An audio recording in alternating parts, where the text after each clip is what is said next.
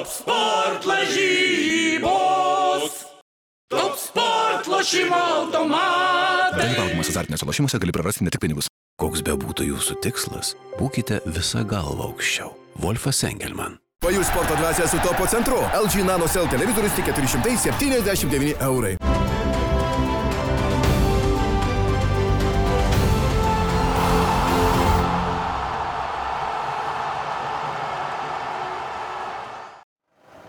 Labas rytas, 15 min draugai, ankstyvas sekmadienio rytas, kamuolys krieja jūsų ekranuose, ausinėse, kad ir kur mus bežiūrite ar beklausote. E, Vakar turėjome dviejas rungtynes, užsibaigė ketvirtfinalio etapas, taigi šiandien pakalbėsime apie tai, mesime šiek tiek žingsnį jau link pusfinalio ir galiausiai laidos pabaigoje išgirsite tokį, na, neįprastą šiek tiek jau mums klausimą, e, į kurį atsakę, kur jau mes paskui išrinksim, galėsite laimėti prizą kuprinę. E, Paulius Jekelis šiandien su mumis studijoje TV3 sport komentatorius RFŠ, Rygos RFŠ. RFS. RFS? Taip, RFS. Gerai, tai va, jau, jau žinom kažką naujo. E, Komunikacijos Kam naujo, kam darbuotojas ar direktorius, kaip čia tave pavadinti? Komunikacijos specialistas. Specialistas ir Gintaras Radauskas, 15 bin žurnalistas. Labas. Taigi, vyrai visų pirma, nors ir buvo vakar dviejos rungtynės, bet mes turime svečią, kuris lankėsi Budapešte ir jame praleido gan daug laiko. Iš tikrųjų, tai Kelintas jau čia svečias, kuris lankėsi, Antras, bet, trečias gal. bet e, Gabrielius Maldūnas buvo ten vienerioms rungtynėms nuvažiavęs. Pauliau, tu gal jau pajautai tą jau daugiau futbolo dvasę visą Budapešte. Taip, aš buvau dviejose rungtynėse, taip labai netikėtai viskas susiklostė, nes e, iki Prancūzijos ir Portugalijos rinktinių akistatos likus trims dienoms net neturėjau tokios minties, tiesą sakant, skristi. Ir tuomet bičiulis pasiūlė netikėtai bilietus į tas rungtynes, e, pasikeitė tvarkaraštis gana netikėtai Latvijos čempionate ir gavosi, kad tos dienos man atsilaisvino, tai nusprendžiau nuskristi ir vėliau atsiradus progai dar nuvykti ir į Niderlandų rinktinės rungtynės su Čekija. Tuo metu, kai pirkau bilietą, net nežinojau, su kuo žais Niderlandai, bet atkrintamosios visą laiką yra tas turbūt įdomiausias a, futbolo aspektas. Ir a, tai buvo dviejai mačai, praleido iš viso savaitę Budapešte, tai galima sakyti, pamačiau a, keturių rinktinių gerbėjus, ką jie daro dienomis, ką jie daro a, naktimis, kaip jie švenčia, kaip jie liūdi. A, Tiesą sakant, labai gaila buvo Niderlandų rinktinės gerbėjų, kurių labai daug buvo ir tikrai labai smagiai leido laiką prieš rungtynės ir naktį, ir rungtynių dieną, bet stadione buvo ir tokių, kurie liejo ašaras, buvo ir tokie, kurie liejo alų ant žmonių, kurie sėdi prieš juos. Tai teko visą paletę emocijų turbūt pajausti, bet labai labai smagus jausmas, kai pandeminiais laikais tu gali nuvykti į stadioną, kuriame yra 60 tūkstančių žiūrovų, kuris yra užpildytas 100 procentų. Kita vertus, aišku, buvo tokių ir šiek tiek keistų dalykų, kai tarsi tau reikia kaukės stadione, nuolat apie tai yra primenama, bet kad ir kur be pažiūrėtum, išskyrus stafą, žmonės sėdi be kaukių ir taip toliau. Bet, bet kuriuo atveju tikrai labai džiaugiuosi. Man tai buvo pirmas Europos čempionatas gyvai ir viskas taip susiklosti labai netikėtai. Tai tikrai gera savaitė, daug gerų emocijų, patirčių ir, ir šiek tiek nuotikių.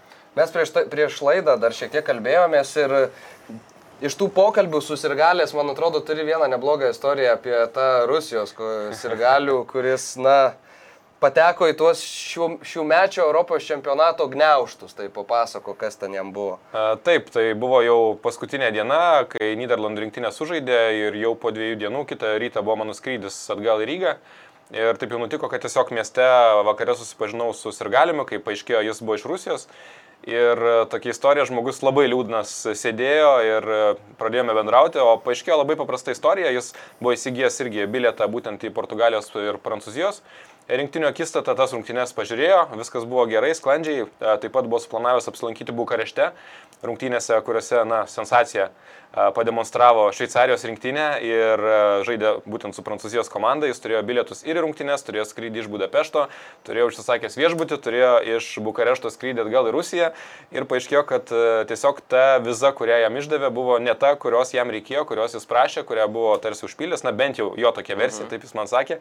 Ir žmogus nuvyko į uostą tam, kad skristų į Bukareštą ir jam pasakė, kad virutis, sorry, tačiau tavo vienintelis galimas kitas tikslas kelionės tai yra atgal nebent į Rusiją. Tai Bukarešto tu nepasieksi, tai žmogus sėdėjo labai, labai liūdnas ir sakė, kad tikrai ilgai ir taupė pinigus tai kelioniai ir labai labai laukė. Rungtynės buvo neįtikėtinai fantastiškas, tai sakė, kad buvo tiesiog trigubai apmaudu. Tai, tai teko pamatyti ir, ir tokių gerbėjų. Na, šiaip įdomu, kai nepavyksta žmogui nuvykti į rungtynes, kur paskui žiūri.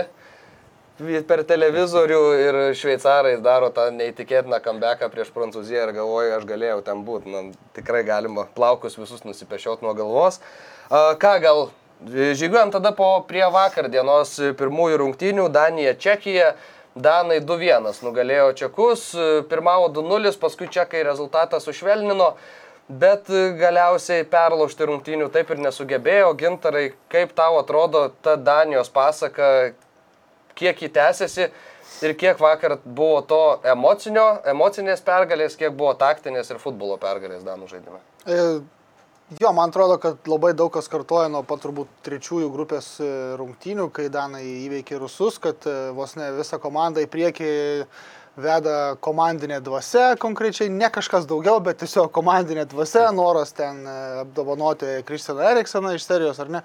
Man atrodo, kad tai yra gana naivu galbūt sakyti taip, nes tai yra komanda, kuri yra puikiai paruošta čempionatui, turinti aukštos kokybės žaidėjus ir turinti gabų trenerį, kuris sustato komandą konkrečioms rungtynėms taip, kaip jo manimu e, reikia žaisti ir laimėti. Ir šį kartą, man atrodo, buvo labai panašiai. Bent jau pirmajame kelnyje tai buvo, man atrodo, puikiai gyvenintas rungtynių planas. Buvo uh, buvo siekiama atakuoti kraštais ir palikti užnugaryje Tomą Šakalašą. Čekijos rinktinės krašto gynėja tas ir pavyko, Jokimas Melė ten siautėjo. Antrajame kilnėje jau buvo čekai be užspaudžia, sakykime taip, Danus, bet tada po traumos sugrįžo aštriai ir agresyviai Jusufas Pulsenas. E, dar pridėjęs kokybės nuo suolo vėl žaidimas šiek tiek pasilygino ir, ir man atrodo, beje, taip ir sakiau vakar 2-1, kad bus Danijos rinktinės pergalė, tai ačiū. Prašau, galėjai išsikirpti iš, iš YouTube, įsidėti į socialinius tinklus ir pavaidinti, koks esi specialistas. Jo, tai antrajame kilnė tiesiog, tai galbūt antrajame kilnė tas komandinės jau ryšto tokio buvo tikrai matyti, nes tiesiog reikia per tą liniją perlipti, kaip sakoma, ir laimėti ir patekti į pusfinalį. Bet e, jo, nes, nesutikčiau, kad komanda tiesiog eina ant emocijų ir va taip nueina iki pusfinalio vieną emocijų. Prasme, jie, realiai turbūt turėjo lengviau. Šiaip pateko ten, kur galbūt e, ir, ir, ir buvo tikėtasi, nes antra vieta grupė, kaip, kaip be būtų po tų pirmų dviejų pralaimėjimų, vis tiek buvo paimta, ar ne, paskui varžovai galbūt išpuolė parankesni. O dabar jau pusfinalį pasižiūrėsim, kaip su, kaip su tikrai stipriais anglais pavyks jiems pasirodyti. Manau, kad nebus blogai, tiesą sakant. Jo. Tu, Pauliau, matei Čekų rungtynę su Niderlandais aštuntfinalyje, e, vakar žaidė su Danija, kuri yra, na, tokia e, neutralių sirgalių favoritė šitam čempionate. Tai visų pirma, kam atiteko tavo simpatijos ir šiaip pačios rungtynės, ar buvo tokios, kokių, kokių tu tikėjai? Taip, teko matyti būtent rungtynės su Niderlandų rinktinė ir tikrai netikėtas rezultatas, kas krito akis, tai e, vėlgi Čekijos rinktinė labai gerai organizuota, man atrodo, jie labai aiškiai turi savo tos ryškiausius lyderius, tai žaidėjai iš Vezhemo, Saučiakas, Caufalas, turbūt nieko naujo nepasakysiu, priekyje yra Šikas, tikrai solidžiai žaidžia vartininkas, patys čekai teko nemažai bendrauti būtent Budapešte, kadangi labai daug gerbėjų atvyko, jie sakė, kad jų pati silpniausia vieta yra būtent vidurio gynyba ir jeigu mes žiūrime į klubus, kuriuose rungtyniauja vidurio gynėjai, tai tikrai jie tarsi krenta iš to tokio bendro konteksto, bet savo disciplina, žaidimo plano įgyvendinimu jie, man atrodo, ir labai toli nužygiavo.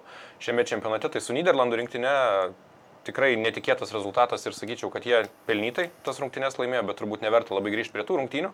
Ką matėm vakar, tai tiesą sakant, pirmo kelnio viso pamatyti galimybės neturėjau, nes komentavau krepšinio rungtynės vakar, taip jau susiklostė aplinkybės, mačiau įvarčius, bet mačiau antrą, įvar... antrą kelnį ir kas man patiko, kad čekai grįžo į rungtynės. Nes pirmajame kelnyje, stebint iš būtent santraukos, susidarė įspūdis, kad tikrai Danijos rinktinė buvo ženkliai geresnė, dominavo, įmušė įvarčius ir atrodė, kad gali net įmušti galbūt trečią ir to viskas baigtųsi, bet matėme Caufalo puikus bendradarbiavimas su Šiku įvartis ir paskui tikrai buvo dar situacijų, buvo didelis noras, matėme subintuotos galvos. Tai aš pamačiau, kad e, visų pirma, Danija tiesiog turi daugiau kokybės. Man atrodo, jų žaidėjai yra geresni, jie žaidžia geresniuose klubuose ir tikrai Danams kažkur galbūt sekasi ir vėlgi mes matome, su kokiais jiems varžovais e, tenka susidurti, tarkim, na, su Čekija dėl vietos pusfinalėje susikauti, tikrai, manau, yra labai palankus burtai tavo rinktiniai. Tai Danai irgi aš pritariu, kad tai nėra tiesiog ant emocijų žaidžianti komanda, šiaip jie turi daug kokybės ir prieš čempionatą, na, būkime turbūt realistai, niekas jų neminėjo kaip tokių e, tų tamsiųjų arkliukų, kurie labai galėtų iššauti.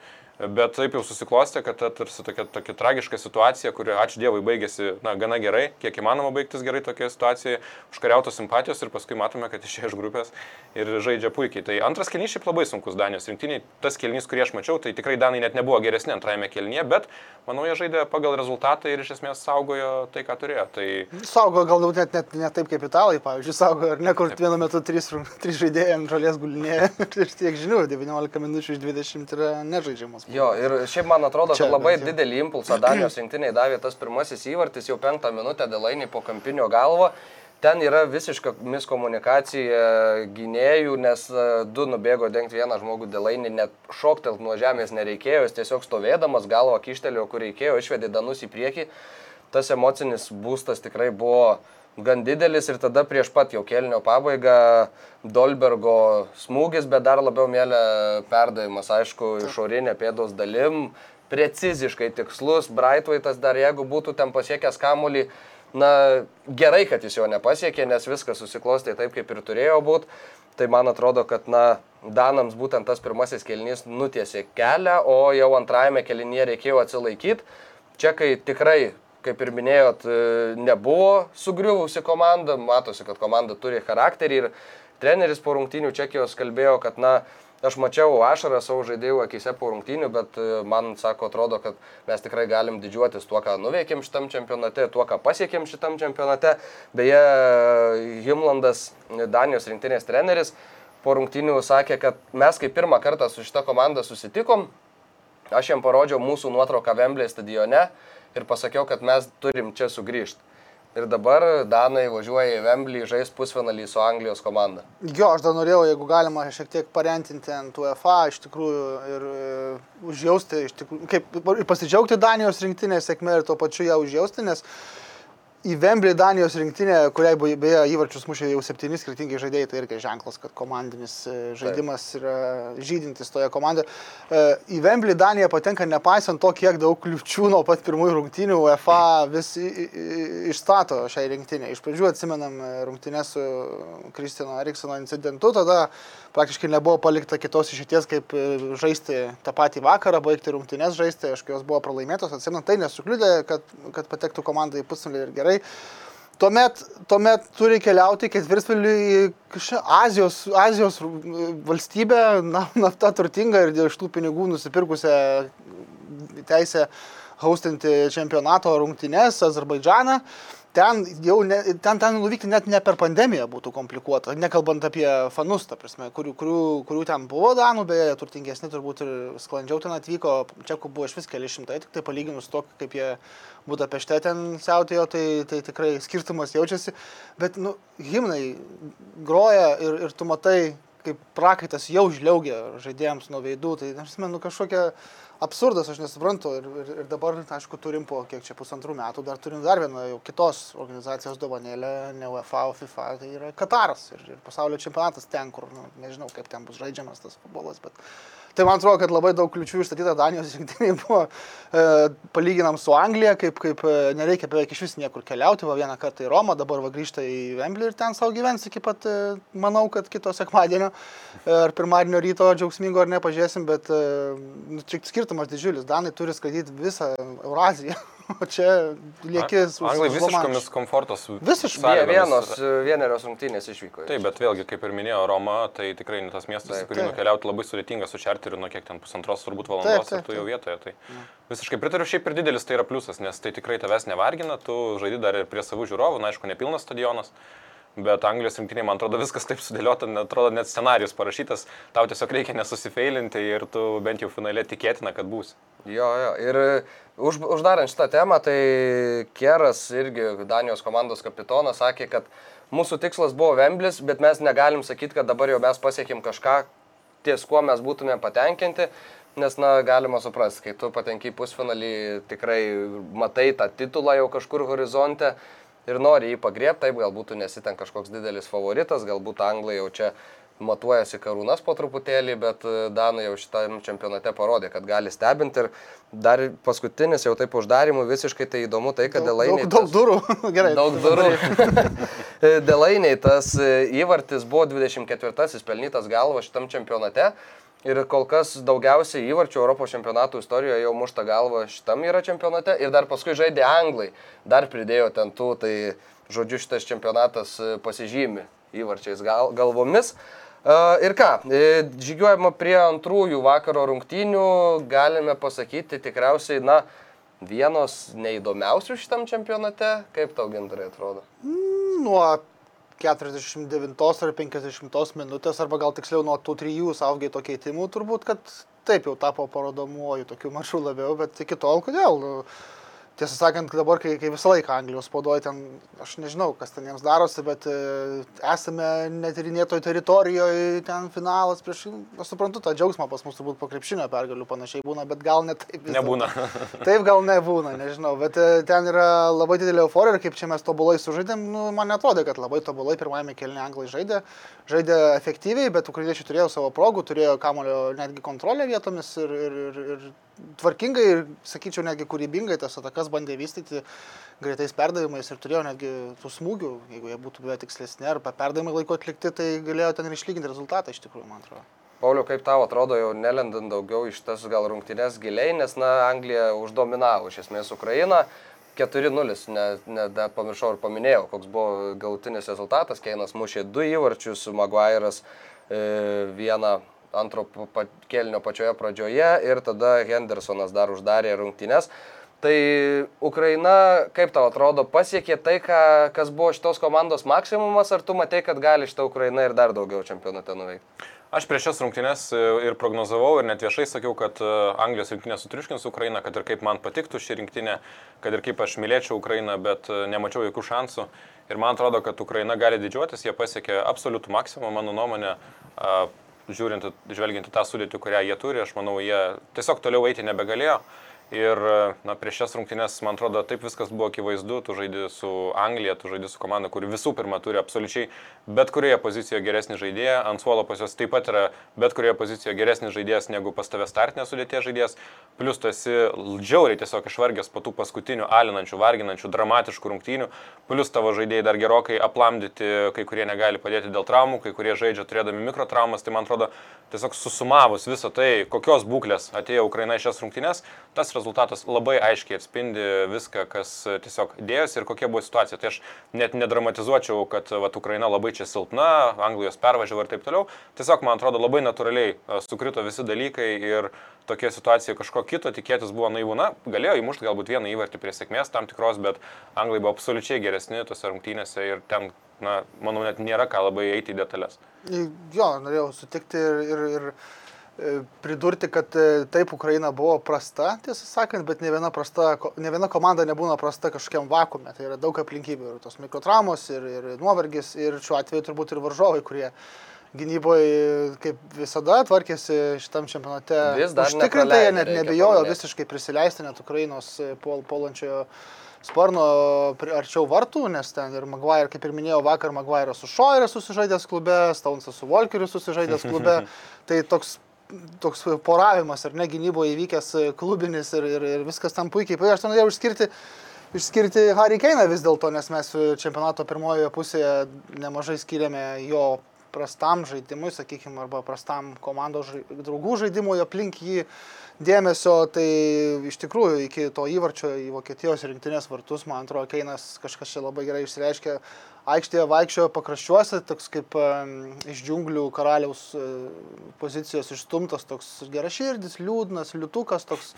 Lietai risnoja, kažkaip neranda to grobio, nieko, nu toksai kaip iš liūto karaliaus, ar ne, bet dabar rodo tos nagučius ir aš t- tiesą sakant... Geri nagučius- palyginimai. Jo, jo, nu, žemai kabantis obolys, kaip savo, trys liūtai vis tiek čia, ne? Tai e, trys įvarčiai jau yra, ar ne, čempionate, dabar dar su Danais pusfinalis ir jeigu patenkama į finalą, manau, kad dar kokius va, du ar tris gali netgi ir pridėti ir tapti vienu iš rezultatyviausių arba pačiu rezultatyviausių čempionato žaidėjų. Vakar jis žaidė 72 minutės, nu palyginau statistiką, ar ne, paprasčiausiai tiesiog keturi smūgiai, laimėti trys e, headeriai, kaip čia pasakyti, 33 kamulio prilietimai, e, jisai ten ir perėminėjo kamuolius ir kovojo teklindamas ir, ir, ir, ir driblino. Nu, ta prasme, atsiprašau, atsiprašau už tos svetimžodžius, bet nu, kartais nėra lietuvių. Gal ir yra lietuvių kalbos išreiškimų, bet taip lengviau. Tai tiesiog, ir beje, Gary Linekeris kol kas yra rekordininkas Anglijos rinktinėje pagal tokiuose didžiosiuose turnyruose įmuštus įvarčius, 10 įvarčių, Keinas dabar turi 9, tai man atrodo irgi yra papildoma motivacija. Jam, kuriam, kiek žinom, svarbu yra asmeniniai tokie va, pasiekimai, ne vien komandiniai. Dar reikėtų pasveikinti ir Hendersoną žmogus. e, Labai ilgai stengiasi. Įmušęs įvartį, tai buvo pirmasis jo įvartis su Angli, vilkint Anglijos rinktinės marškinėlius ir tai buvo 62-osios jo rungtynės ir žiūrint į visus anglus, kurie yra kada nors mušę rinktinėje, tai jo tas laukimas buvo pirmojo įvarčio pats pats ilgiausias. Tai pagaliau pramušė Hend- Hendersonas.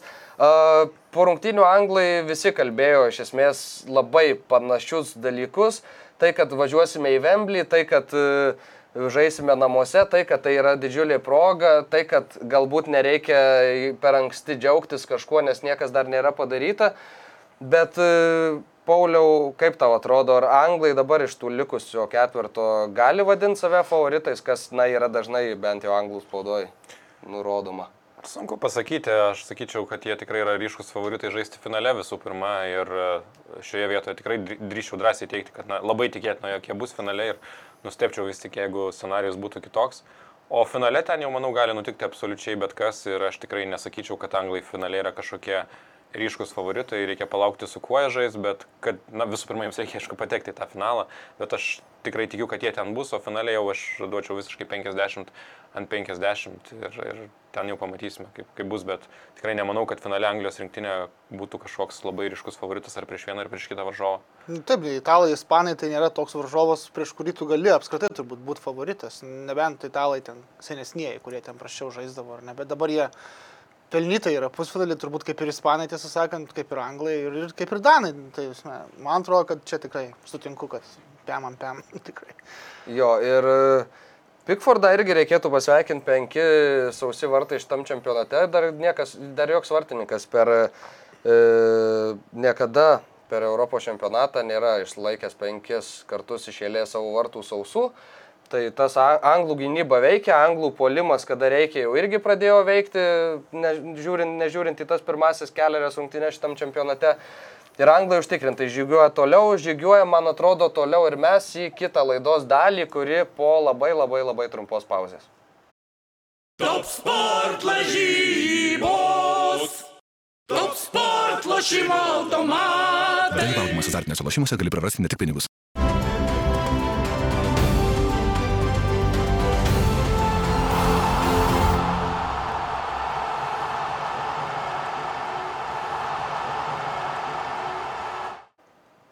Kas atrakins titulą, tokia mūsų šios laidos dalies toks pavadinimas.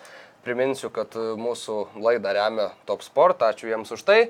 Ir ką, turime keturias komandas likusias šiame turnyre ir mes pagalvojome, kad, na, kas atrakins titulą, tai šiek tiek pakalbėsime apie tuos raktus, kuriais kiekviena rinktinė galbūt galėtų tą titulą atsirakinti. Tai pradėkime, aš manau, nuo Italijos, nes žais su Ispanais, beje, reikia pasakyti, kad antradienį prasideda pusfinalio etapas, antradienį, trečiadienį vyks rungtynės, pradės Italija ir Ispanija. Taigi Italija ir aš galbūt pasakysiu, kad italus, man atrodo, italų vienas iš aktų į pergalę yra tas pyktis, kurį jie turi atsinešę į šitą čempionatą ir jeigu jie jo nepraras, man atrodo, kad jie gali, gali e, šitą čempionatą laimėti. Mes žinom tą italų nesėkmingą ruožą, kai ten buvo skelbiamas gedulas prieš keletą metų, kai italai ten nepateko į turnyrus.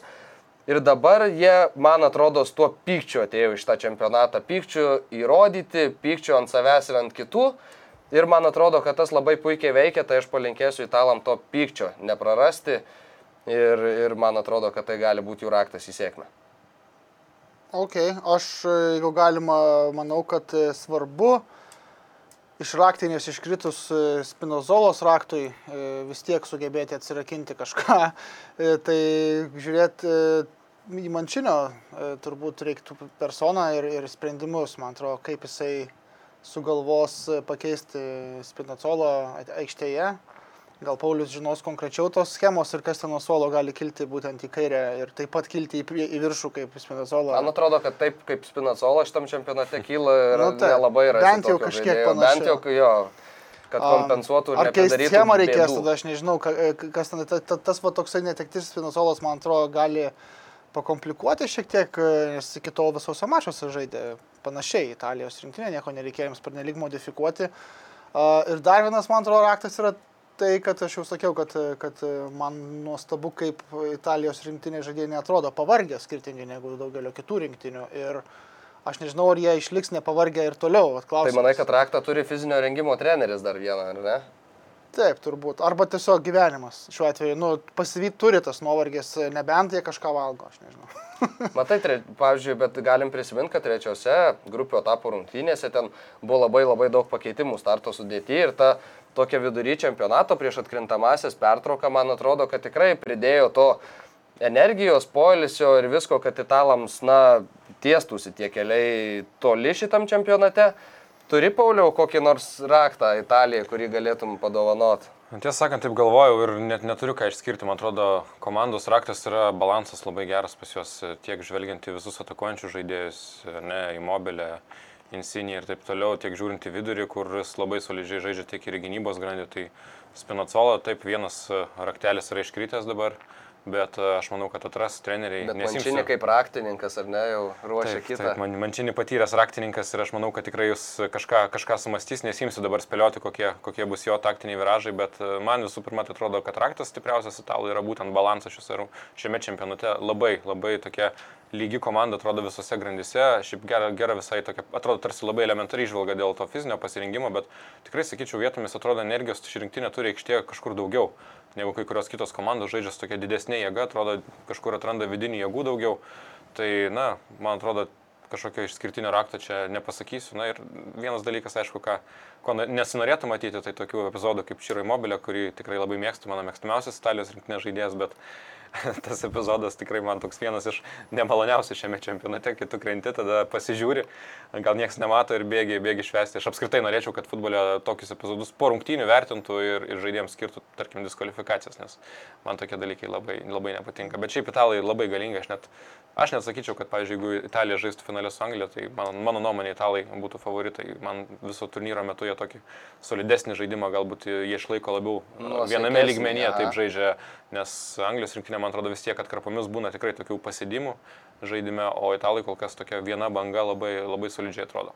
Ok, Ispanijos rinktinė ir aš man atrodo, jūs pasakysit tuos likusius mano galbūt du ar bent kažką panašiai. Aš sakyčiau, kad Tunajaus Simono raktas bus labai svarbus. Žaidėjas, kuris pademonstravo, kokį turi charakterį, matėm jo tą super nesėkmingą epizodą, matėm, kaip jis po jo atsitiesė, matėm paskui jo 11 m baudinių seriją ir man atrodo, kad jis yra dabar tokiame emocinėme pakilime. E, Ispanų gynyba, na, tikrai nėra bloga, bet man atrodo, kad tas paskutinis žmogus e, to, tos gynybos šerdyje bus e, Unajus Simonas labai svarbus. Ir per tas likusias, na, galbūt dviejas rungtynes šita korta Luiso Enrikės rankoviai bus labai svarbi. Aš tai apie gynybą irgi maščiau iš tikrųjų, kad reiks, mano manimu, padirbėti. Gal ne tiek. Norėdami apsaugoti vartininką turi gynėjai žaisti solidžiau Ispanijos rinktiniai, nes kol kas to solidumo trūksta. E, Prisimenam rungtynės su kruatais, prisimenam rungtynės su tais pačiais šveicarais, ar ne, iki tos raudonos kortelės ir, ir gynyba taip, nu, ne, gal nebraškėjo visiškai garsiai, bet tikrai nebuvo ten daug užtikrintumo, o čia Italijos polime yra tikrai ir, ir gerai mušančių žaidėjų, ir gerai kamuolį valdančių žaidėjų, Veratė, tas pats mobilė, jeigu su išnaša, jeigu nepradės tų savo bairių vėl daryti, ar ne, yra, yra Insinija, kuris puikiai ir iš toli atakuoja ir prasiveržia pilna gerų kiezą. Nu, Ten, ten, jeigu prisileisi prie vartininko, tai man atrodo, neatleis italai tos gynybų, gynėjų klaidų. Ta prasme, vartininkas gali ir negelbėti. Nežinau. E, Kas dar, nu, tai ir bus ketsas be abejo. Vis laik, šitai komandai jis labai svarbus yra. e, Užtikrintumo priduo, Smegenys, priduoda aikštėje, sakyti, ar ne? taip. Nu, ir turbūt, kad apie polimą galima dar išnekėti, ar ne? Na, taip, Morata, Torresas, Arabija vis tik geri žaidėjai. Aš sakyčiau, du raktai Ispanijos rinktinėje. Tai pirmas raktas, jeigu nori laimėti, tai tikrai gynybą reikia gerinti, nes, tarkim, vat, jeigu kalbėjau, kad Italija man labai patinka tokia labai subalansuota sudėtis, tai Ispanija gal ant popieriaus ji irgi atrodo visai neblogai subalansuota, bet žaidimo, stebint žaidimą, daug klaidų gynyboje šiame čempionate pakankamai sakyčiau, pernelyg daug leidžia susikurti praktiškai visoms rinktinėms, kartais ir kukliom, kukliems varžoms prieš, prieš juos progų. Tai vienas dalykas pagerinti gynybą ir kitas dalykas tas atakuojantis trijo. E, Užtenka gal šaipytis iš Moratus, aš manau, kad tai geras žaidėjas ir šiaip tas atakuojantis trijo ir tikrai Sarabija e, žaidžia visai, visai neblogą turnyrą, man atrodo, pastaruoju metu tikrai simpatišką futbolą demonstruoja, aštrina situacijas, kūrė, pats įmušė. Tai du esminiai dalykai, manau, visų pirma, gynybą reikia pagerinti ir toliau, kad, kad polimas išnaudotų savo progas, nes ispanai taip laikydami kamuolį, kaip jie kol kas tai daro, jie, manau, irgi yra labai realūs pretendentai laimėti šį turnyrą, nors niekas iš jų nesitikėjo. Čia irgi viena iš tų Net ir komandų. patys jie nesitikėjo. Prieš, prieš čempionatą, nu, iš esmės niekas, labiau visi kalbėjo apie tai, kad iš realo nėra nei viena žaidėjo, nei apie tai, kad ispanai galėtų laimėti, o dabar mes matome jie pusfinalį. Ir šiaip il- iliustruojant dar Pauliaus mintį apie polimą, tai man atrodo tas faktas, kad jie gali mušti 10 įvarčių per dviejas rungtynės, o tada su Šveicarija žaidžia, neįmuša iš esmės nei vieno įvarčio, nes tas vienintelis buvo į savus vartus. Šveicarams turint vienu žaidėju mažiau, jie vis tiek nesugeba to vat, rakto rasti link e, varžovų vartų. Ir šitas nestabilumas kažkoks ispanų, man atrodo, puolime būtent ir yra viena iš problemų. Tai jeigu tas puolimo, na, e, trijo, kaip tu sakai, ir man labiau atrodo, kad Morata ir Moreno yra tokie du žaidėjai, kurie tokie galbūt ryš- ryškiausi, kurie turi tą pu- pu- puolimą cementuoti savo ir patirtim galbūt. Tai jeigu jie veiks, kaip turėtų veikti, man atrodo, tai bus rimtas raktas į pergalę. Galbūt, bet aš dar pridurčiau čia susijęs su, ir su Italijos rinktinė, tas polimo trijo Ispanijos, jisai susidurs su dviem e, didelėm, masyviom, gero senai subrandinto vyno statinėm, tai yra Bonučių ir Kelinė. Ir, ir tai, man atrodo, ten yra, kad ir veteranai, bet jie yra geriausi vidurio gynėjų pora šitame čempionate. E, Ir puikiai pažįstantis vienas kitą ir juos ten apžaisti tikrai nebus taip lengva, tad Luisui Enrique reikės e, sugalvoti kažką, kaip tai padaryti, nes ir iš kraštų neužkelsi ten prieš juos kamulio, praeit pro vidurį irgi sunku, tai kažką reikės daryti, nežinau. Okay. Aš vakar sakiau, gal tegul baseinė susitinka ir pa, pa, panardo ten abi komandos tiesiog išsiaiškina, kas, kas, kas žais finale. Okay. Uh, Žygiuojam link kito pusfinalio, Danija, Anglija, pradėkim nuo Danų. Ir, na, aš sakyčiau, toks, na, keistas galbūt raktas nuskambės, bet nepradėjimas tikėt. Nes man atrodo, Danai šitam čempionate važiuoja iš savęs ir eina iš rungtynių į rungtynes, turi tą milžinišką užsidėgymą, bet jie nežiūri toli į priekį. Ir man atrodo, kad dabar Danai, ypač dar po praeitų rungtynių, kai sako, mes norėjom grįžti į Vemblį, mes nepasitenkinsim pusfinaliu, kad neatsirastų tas tikėjimas, nes man atrodo, jeigu Danai pradės labai tikėti, kad jie gali, jų žaidimas kažkiek sus, taps toks e, stagnatiškas galbūt Čia toks labiau. iš prietarų. Čia toks, sakyčiau, iš įdomesnių, iš įdomesnių raktų. Jo, bet nu, man atrodo, kad tas e, jų įėjimas iš rungtinių į rungtines, ta emocinė visa, emocinis pakilimas yra būtent tai, kas juos veda ir kas lei- leidžia tam talentui taip, na, spindėti net ir tų žaidėjų, kurių galbūt prieš čempionatą kai kas net nebuvo girdėjęs. Aš tai sakyčiau atvirkščiai, aš sakyčiau, kad kaip tik būtent tas tikėjimas gali būti jų raktas į pergalę ir a, mano nuomonė, Danams reikia žaisti tokį patį drąsų, energingą futbolą, kokį jie žaidė iš esmės viso turnyro metu. Na, aišku, kad buvo visokių atkarpų, būdavo kartais ir saugodavo rezultatą, bet iš esmės jie su labai gera energija, maksimaliai tikėdami savimi žaidė su visais varžovais. Tai sakyčiau, jiems reikia neatsisakyti to futbolo, kurie, kurį jie demonstravo ir tokiu atveju, manau, jie gali, gali nustebinti šį tikrai pajėgų rinktinę ir, ir, ir manau, kad Danijos rinktinė duos rimtą kovą. Šiaip nemanau, kad jie bus finale, bet manau, kad jie duos kovą. Tikrai nebus su Ukrainos atvejais, kai tiesiog paėmė ir iš esmės taip vieną koją pervažiuoja, ketvirtą minutę jau 1-0 ir, ir jokios ten iš esmės intrigos. Mm, jo, aš, aš sutinku su Paulium, e, man atrodo, kad Danijos rinktinės strategams visų pirma turbūt reikia e, turėti paruoštą planą rungtynėms su Anglija, tokį planą, kuris galėtų nustebinti Southgate, galėtų nustebinti ir žaidėjus Ang- Anglijos rinktinės aikštėje esančius. Tai turėtų būti lankstus gana planas, p- prisitaikantis ir prie realybės, kai reikia pulti, ir kai realybės, kai reikia pragmatiškiau e, pasiginti. Nes anglai, man atrodo, dar šitame čempionate nebuvo nustebinti ne kartu aikštėje. Ir Saufgitas kiek, kiek e, galėjo, tiek statė savo tą planą, visiškai diktavo, sakykime, taip turėjo iniciatyvą, man atrodo, taktinė prasme. Jeigu Danai, e, kurie, man atrodo, yra labai labai aukšto lygio profesionalai, galbūt ten nėra labai didelių žvaigždžių ar super talentų, bet jie yra profesionalai, puikiai išmanantys savo specialybę. Tai jeigu jie toliau tai profesionaliai žais ir pažiūrės būtent iš tos rungtynės, e, tikėdami, kad, kad gali laimėti, nes man atrodo, tada nėra prasmės, jeigu netikė eiti į aikštelę, nežinau. E, Aš suprantu, ką tu turėjai omeny. Aš, šiek tiek. e, omeny- traukiam per dantį. Tai. Traukit, aš jau Tai aš manau, kad to. e, konkrečiau aš net ne, nežinau, ar lysiu, nes sakau, da- da- Danijos rinktiniai ten daug kas gali įmušti.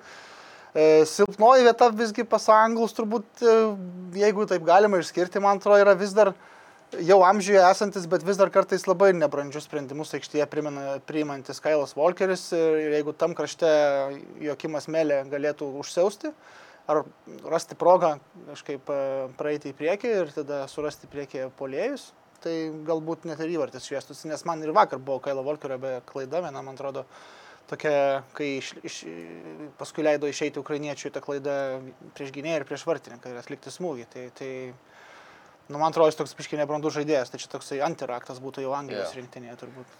Ok, ir tada žygiuojam jau prie anglų. Pauliau, kas tau atrodo gali būti Anglijos raktas į pergalę čempionate? Apskritai, man šitą raktų tema tokia labai, labai keista šiek tiek atrodo. A, Aš manau, kad anglų raktas tai tiesiog žaisti jų futbolą, išnaudoti tos talentus, kuriuos jie turi ir e, tiesiog savo meistriškumu, savo kokybę įrodyti, kad jie yra geresnė komanda už Daniją, dominuoti visų pirma aikštėje ir e, iš esmės daryti tą, ką jie darė su Ukrainos komanda. Parodyti nuo pirmų minučių labai aiškiai, kad mes čia atėjom nuimėti, mes esame stipresni, mes dominuosime, neleisime jums įgyvendinti savo plano ir jeigu jie bus ta komanda, kuri duos savo toną nuo rungtynių pradžios, aš manau, kad, kad viskas bus gerai. O kiek daug talento turi, kokius turi gerus žaidėjus ir ką jie gali kelt nuo suolo, tai mes jau turbūt ir, ir mes, kai aš buvau laidoje ir, ir kai manęs nebuvo laidoje, tiek daug kalbėta, kad e, čia vėlgi turbūt apie tos individualius žaidėjus jau kalbėti Anglijos rinktinėje nėra prasmės. Tai tiesiog dominuoti, drąsiai parodyti, kad, kad mes esame stipriausi nuo, nuo pat pirmų minučių. Čia kalbu visų pirma apie pusfinalį, o finalė jau ten, ten jau bus gerokai sunkiau. Jeigu aišku ten bus.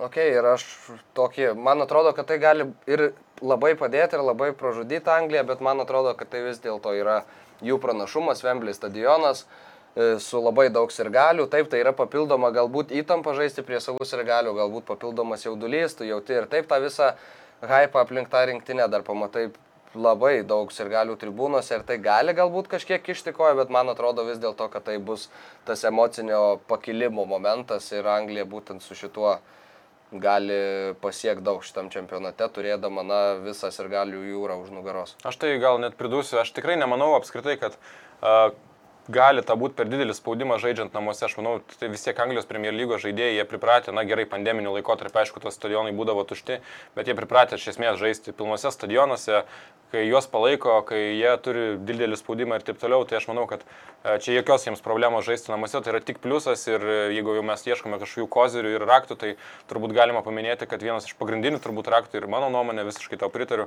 yra tai, kad Anglai iš esmės visą turnyrą žaidžia namuose, niekur nekeliauja, e, minimali kelionė tokia savaitgalį išvyka į Italiją ir, ir tiek. Tai manau, čia yra šiaip didelis išvyka, labai ne? dalykas, nes mes matome šį turnyrą, kad ir lūšta žaidėjai yra ir daug traumų ir vis tik e, tam įtakos tikrai turi, manau, ne tik tai treniruočio procesas ir rungtynės, bet ir kažkiek kelionės.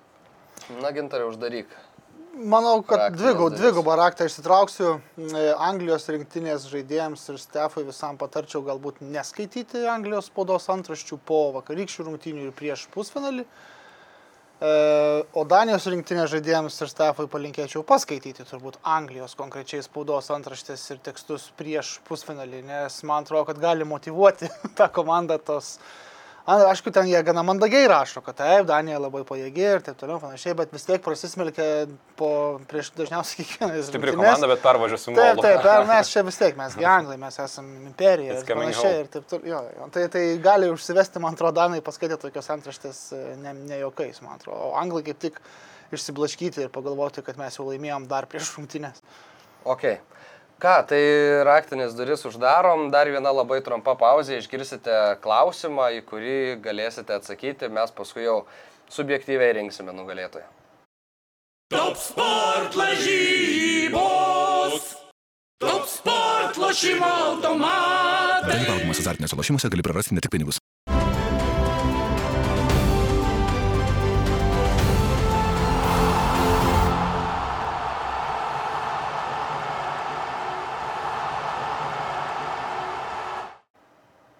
Diena futbolo nėra šiandien, nebus futbolo rytoj. Dažniausiai mūsų klausimai būdavo susiję su uh, tos dienos rungtynėmis, bet kadangi jų nėra, tai šiandien jūsų klausime, na, tokį pamastymui.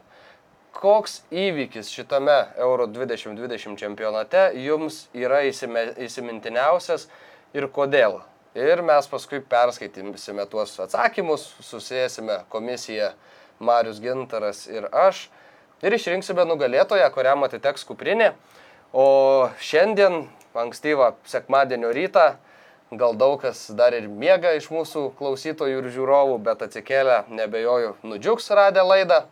Taigi šiandien baigiame. Paulius Jekelis, labai ačiū tau, kad atvykai pas mus. Ačiū už kvietimą. E, Gintaras Radauskas, 15 min žurnalistas, ačiū ir tau, kad vis dar esi čia diena iš dienos. Ir Netrodo labai gerai. prašau šypseną Viskas gerai. išspausti. Ir aš Mantas Krasnickas su jumis atsisveikinu. Rytoj skrieja kamuolys vėl 9 val. ryte, tad iki susitikimo. Top sport lažybos. Top sport lošimo automatai. Dalyvaudamas azartiniuose lošimuose gali prarasti ne tik pinigus. Koks bebūtų jūsų tikslas, būkite visą galvą aukščiau. Wolfas Engelman. Pajus sporto dvasia su topo centru. LG Nano Cell televizorius tik 479 eurai.